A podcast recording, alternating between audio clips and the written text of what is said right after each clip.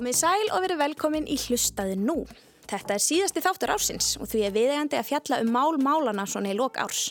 Krakkaskaupið. Krakkaskaupið, gert af krökkum fyrir krakka og fullorna, er á dagskrá sjónvarsins í kvöld, daginn fyrir gamlóstag, klukkan 19.40. Það er því viðegandi að fjalla aðeins um krakkaskaupið og fá til okkar þá sem tóku þátt í að búa það til í ár. Í lok þáttar fjallum við aðeins um áramóta og 13. hefðir. Hversuna höldum við eiginlega upp á þessi tímamót? Það er hún Björk Bjarnadóttir, umhverfist þjóðfræðingur sem svarar því. Ég heiti Ingi Björk Fríða og hlustaðu nú.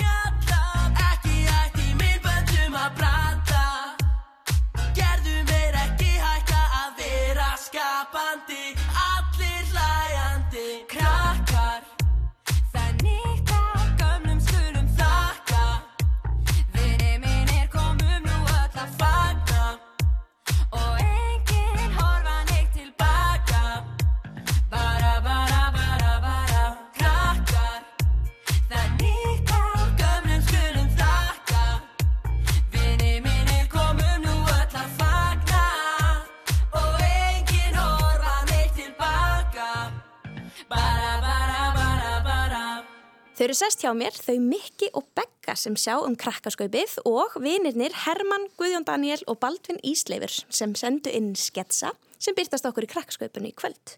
Verið hjartanlega velkomin. Takk fyrir það. Ef við byrjum bara svona á byrjunni, fyrir þá sem ekki þekka, hvað er krakkaskaupið? Einmitt. Þetta er basically bara áramótaskaupið Já, nema gert fyrir krakka sérstaklega.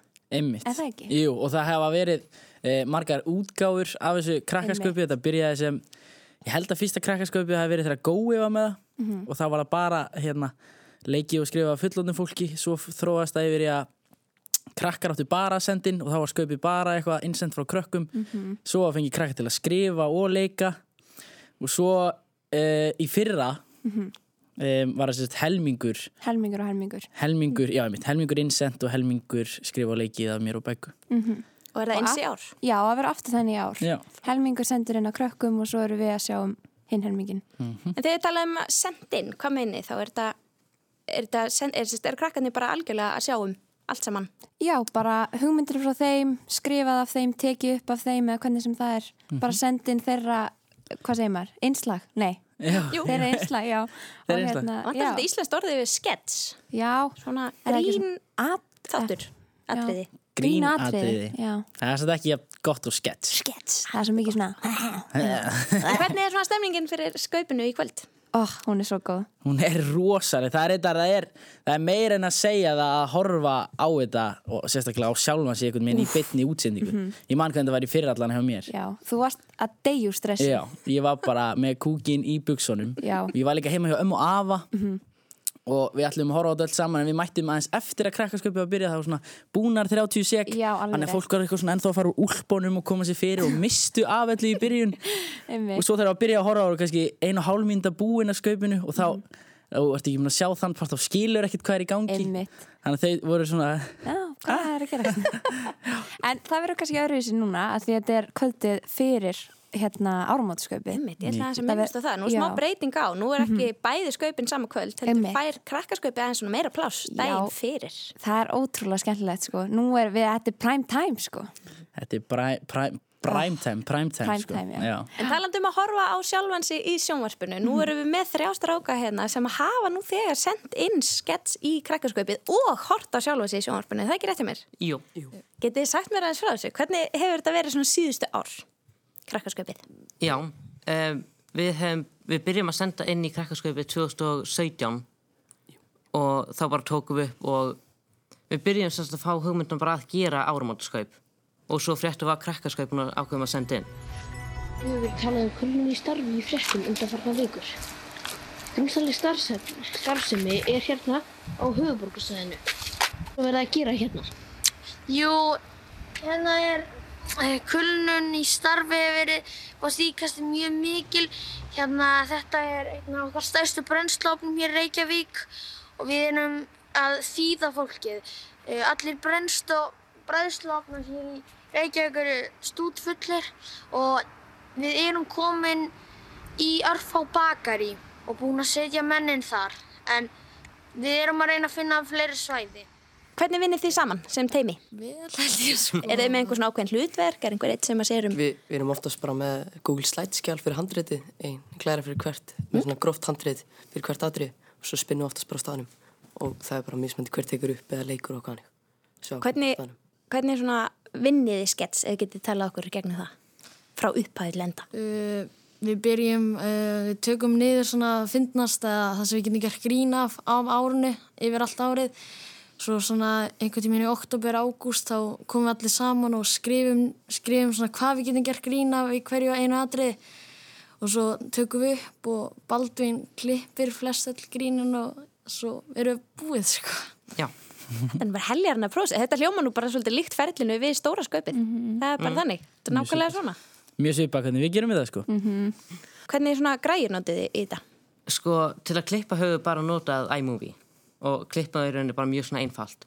En í fyrra þá byrjum við að nota myndavél sem að, sem að þú átt. Já, við Já. notum myndavél en fyrstu notum við bara iPad og ekki mikrofón. náttúrulega jafn góð gæði. Og svo erum við með núna myndavél og mikrofón sem við notum til að taka þetta upp. Án þess að segja of mikið, nú má ekki spilla fyrir þeim sem ætla að horfa. En, en um hvað fjallar sketsarnar ykkar í ár? Var eitthvað svona eitt sérstætt sem hann finnar en annað? Það var mikið að sketsum um COVID, það var, Það er alltaf svona mest sem gerast á árinu, það var COVID. og, og svo reyndum við alltaf að gera grína eitthvað öðru en því líka. Man kannski engin neitt sem gerðist annað en COVID á þessu ári. Hvað? tók svolítið yfir sko Já, Það sama ykkur? Ég sko við, já, það er auðvitað eitthvað aðeins svona, en við samt pössum okkur að reyna líka að finna eitthvað dýbra en það. Já var eitthvað svona eitt atvik á árið 2020 sem að ykkur fannst finnar en annað? Eða hægt að gera sko, það, eitt sem að gerist mjög fyndið er að hérna um, við vorum svona svolítið að berja hausin í veggi því að það væri bara allt um COVID skilur. Okkur langar að gera um eitthvað annað fólk er orðið þreytt kannski að heyra endalist um eitthvað COVID -út. en svo er ég hefum Beggar heima á sér og ég er í perlunni og við erum eitthvað svona breynstum að skrifa á eitthvað. Svo er bara hvað er, hlýtur að vera eitthvað annað? Og þá bara kemur það á færibandi bara risastór jarðskjálti og á sama tíma og frekar creepy að það var að gegja fyrir okkur að því Ég höfum bara, eitthvað annað yes, til oh að það er um jarðskjalt í gangi, ég skrifa um þetta, frábært. Efni, efni, og það var frábært. Mhm. uh, hann við náum eh, eitthvað að- tvinna því inn sko. Já, en ég líka, við, þú veist, þótt að þetta sé um COVID, þá erum við samt, held ég, sketsarnir sem kom í kvöld, er, já, kannski grunnur um COVID, en við samt reynum að tvist þetta svona og gera, þannig þetta sé ekki bara, æ, fætti ég hvað ég á við, Mhm. svona, hvað gerðist í COVID sem snýst kannski ekki endilega um COVID, bara það gerðist að því COVID var. Það er svona, kannski þannig leiðir sem við líka leistum þetta. Hvernig grín svona finnst ykkur fyndnast? Um, ég persónulega, mér líka við svona stutt grín þess mér er ekki of löng. Þannig, já. Já, mitt. mér erst fimmur að brandara mér finnir. Átt einhvern, góðan. Ég, hvað, hvað kallar þau prest með góða aðtegli? Prest með Góða aðtegli. Nú hef ég enga aðtikli, ég veit ekki. Aðteglisprestur. Ah, ok. Yes. Það er svo góður. Ég held að vera margir sem að mynda að horfa heilt skauð bara með fimmöru að það er alveg hugmynd þarna. En þú, ertu með eitthvað svona, hvað sérstakt sem þið fyndið? Alltaf grín með góða endalínu, það er loka línur. Já, hún er mikilvæg. Mhm. Hvað svona fannst ykkur? Va- Er eitthvað svona sem ykkur fannst finnast árið 2020? Uh, mér varst mér fyndið með þingmannin sem hljóp úr jarðskjáltanum. Jarðskjálftin kemur sterkur þannig inn. Mm en, en svona í eldri áramótasköpum, eigi ykkur einhver svona uppáhald senur? Og ég á einn uppáhalds. já, gott um það Það er hann að sketsin, að grínatriði þegar hérna, þær voru búin að tattúa sig hann, mér finnst það svo ógeðslega fyndi hvernig var það aftur, eitthvað svona, já ég tattúa hérna á læri mitt bara, lifi í núinu gott að minna sig á, eitthvað svona svo fór þetta alltaf lengra og lengra og lengra, mér finnst það ógeðslega fyndi Endaði við hann að, sjá hvað ég með á bakinu. hann er ekki að halda fram Já, hjá því ertu góð við Guðrún í mötunettinu? svo gott Alveg rétt. Hvenær var En þetta? þið strákar? 2018? Þetta er frekar nýlegt. já, já. Já, Ef ekki fyrir heldur Já. hitt fyrir, já. Já. Mhm. En þið strákar, er ykkur uppáhalds? Mér mér fyndi held ég í fyrra þegar hann var með hann appulúrið og gæti ekki Já. án þess að þurfti að telja skrefin og vissi ekki hvernig hann svaf og svona. Það var það var mjög gott Já, Svona að lókum, hvernig tilfinning er það að, að horfa á annarkvort sjálfan sig í sjónvarpinu eða verk eftir mann sjálfan á svona stóru kvöldi í krakkarskaupinu? mér finnst það persónulega mjög skemmtilegt. Já, mjög stressandi líka að Já. horfa. Öðru sem horfa á það bara sjálfur eitthvað. Já, veist, eftir gríni hvort að veist, alla klipuna virki eða eitthvað þannig. Hvernig voru svona viðtökunar hjá fjölskyldinni og, og vinum? Þær voru mjög góða, myndi ég segja. Já, það er oftast leiðið mjög mikið þegar við sýnum þeim þetta. Já, við höfum alltaf sínt um að fóröldunum voru svona saman og já, það er oftast mikið hlegið. En það er tilgangur með skaupi. Mm. Kærar þakkir fyrir komuna til mín Mikael Emil og Begga í, í krakkaskaupinu og svo sjálfsög Herman Guðjón og Baldvin Ísleifur. Við erum mjög spennt að sjá ykkar framlag í krakkaskaupinu í kvöld. Til hamingi með það fyrirfram. Takk fyrir komuna. Takk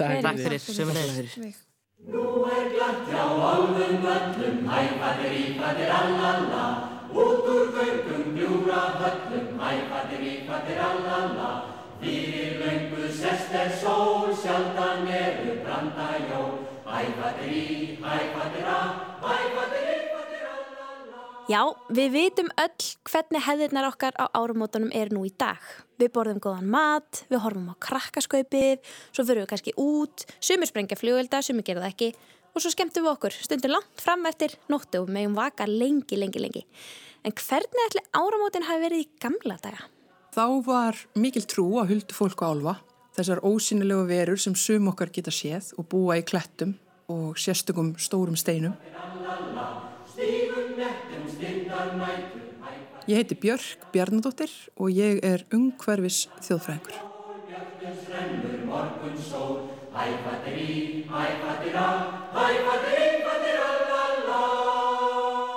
Og þá var talið að sérstaklega á áramótum og líka svona á 13. væri á ferli að flytjast búferlum og svona aðeins að skoða sig um í hýpilum manna. Þannig að á áramótunum þá fór húsfrían yfir um daginn, allt, allan bæinn, sópaði og setti ljós í hvern glugga fyrir kvöldið og svo fór hún með þessa fallegu þölu. Komi þeir sem koma vilja, verið þeir sem vera vilja, farið þeir sem fara vilja, mér og mínum að meina lausu. Og þarna er hún að vísa í og að, að huldufólk álvar gætu komið gegnum bæinn og þau væru velkomin svo lengi sem að myndi ekki skada neitt. En það eru nokkar þjóðsögur tengdar huldufólki álfum, sérstaklega tengt í jólanótt, að allir fara af bænum til messu nema það er ein manneskja skilin eftir. Oft er það einhver ung stúlka eða hugaður drengur. Og uh, svo þegar fólki kemur aftur baka þá gæti manneskjan annarkvort hafa verið uh, látin eða hún með eitthvað gersema í höndunum og einhver vil fá næstu áramót að fá einni gersema í hendunar. Þannig að sem sagt í þriða skiptið, það er alltaf allt í þremur í þjóðsögunum, þá uppgötast hvað átti sér stað á bænum.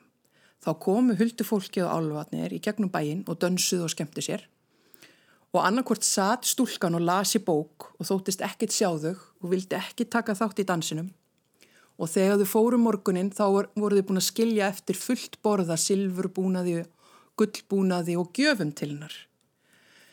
En eh, ef þú tókst þátt í dansinum þá mistur þau vitið og oft lærbrotnaði fólk. Þannig að þeir sem voru gráðir sögðu, já, nú ætla ég að vera hérna næstu nótt.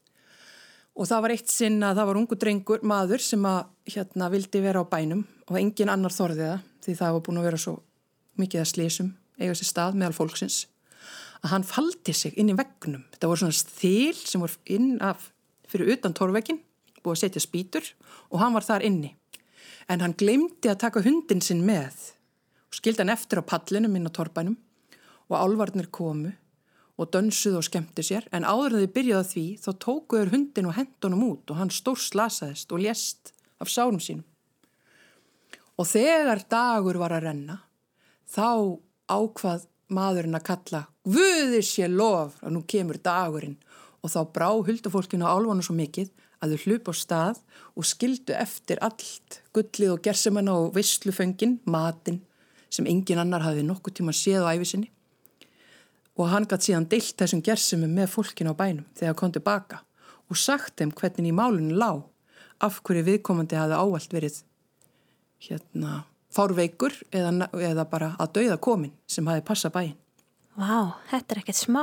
Ábyrð að vera einn eftir á, Já. á svona mikilværi nóttu. Já, þú mátt ekki taka þátt í dansunum. Nei, einmitt. En hversuna dansum við þá með álfum á 13. til dæmis? Eða í kringum Já. Brennurnar á, á gamlarskvöld? Það er svona meira að þá erum við að fagna því að jólin er að fara og við erum tilbúin í að kveðja þessa fallegu hátíð okkar og það er meira svona að álvarnir komi á meðal okkar og við erum að skemmta okkur saman og engin hætta er á ferðum. Það virðist vera þannig og mikið er, er um það í nokkrum bæjarfélagum að það er álva kongur og álva drottning og þau farum á hestum. Ég til dæmis sé þetta, sá þetta eða þessi stað núna í Stikkisholmi núna á 13. veit ég af því ég var þar á 13. Þar voru allir fallega klættir og tilbúinir að taka þátt í skemmtilegri hefð. Þannig að það er kannski skilabóðin sem að taka með okkur inn í áramótin er að bjóða álfana velkomna en kannski ekkert endilega fara með þeim neitt. Mm ekki? Alveg rétt, já. Og það er líka þetta tengt að sitja á krossgötum þarna á jólanótt og áramótunum og þá að sjá til fjögra kirkuna. Það er þess kirkjur, sjáist úr norð, í norðri, austri, vestri og söðri. Er það svona verndarringur? Það virðist vera. Og svo situr þarna og horfir í eggina á egsi og situr á, á feldi af einhver dýri og þá koma álvarnir og bjóða þær alveg gull og gerðsum á og þú mátt ekki segja neitt því þegar sólinn kemur upp þá skilja þau allt eftir. En það var maður sem að gat ekki staðið á, sem gat ekki sagt nei og sagði sjaldan hef ég flotinu neitað.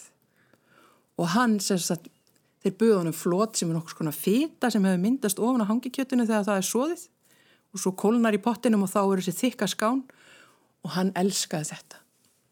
Og hann misti vitið og misti líka allar gjafinar. Því hann var svo mikill sælkeri. En hvers vegna förum við á brennur á gamlás, kvöld og eða á 13. Já, þetta er mjög merkilegt með brennurnar á Íslandi að við erum ekki með þessa Valborgarmessu brennu eða Jónsmessu næturbrennur eins og eru í Norrlöndunum. Við erum með áramótabrennur. Og það eru taldar hafa byrjað svona hafist í lok átjandaldar þegar við fórum að geta brent kannski, já, við vorum að sapna saman alls konar rusli en kannski helst einhverjum gömlu sem mátti brenna. Því að það var náttúrulega mikil nýttni á þau fyrir um fátt tínt að setja á eldin nema það sem áttum að hita upp mat eða hús. Og þetta er til þess að, að sagt, brenna burtu hér gamla og vera tilbúin að taka mótið í nýja. Þannig að nokkur skonar við þökkum fyrir það sem er búið eiga sér stað og við bjóðum hér ókomna af ár velkomið með ferskri byrjun. Að, sagt, við setjum gamlar hugsanir og gamla reynslu og erfiða hluti, við setjum, gefum eldinum það og hann tekur það og tilbaka fáum við ferst nýtt ár og við erum tilbúin að byrja upp á nýtt. Því eldurinn er hreinsandi efni og hann er það sem að hreinsar allt. Þú getur sett allt í eld og þá ertu örugur um að þið illa er farið. Ég held að þetta séu falleg loka orð inn í áramótin. Takk fyrir að koma Björk Bjarnandóttir, þjóðfræðingur. Takk fyrir kærlega.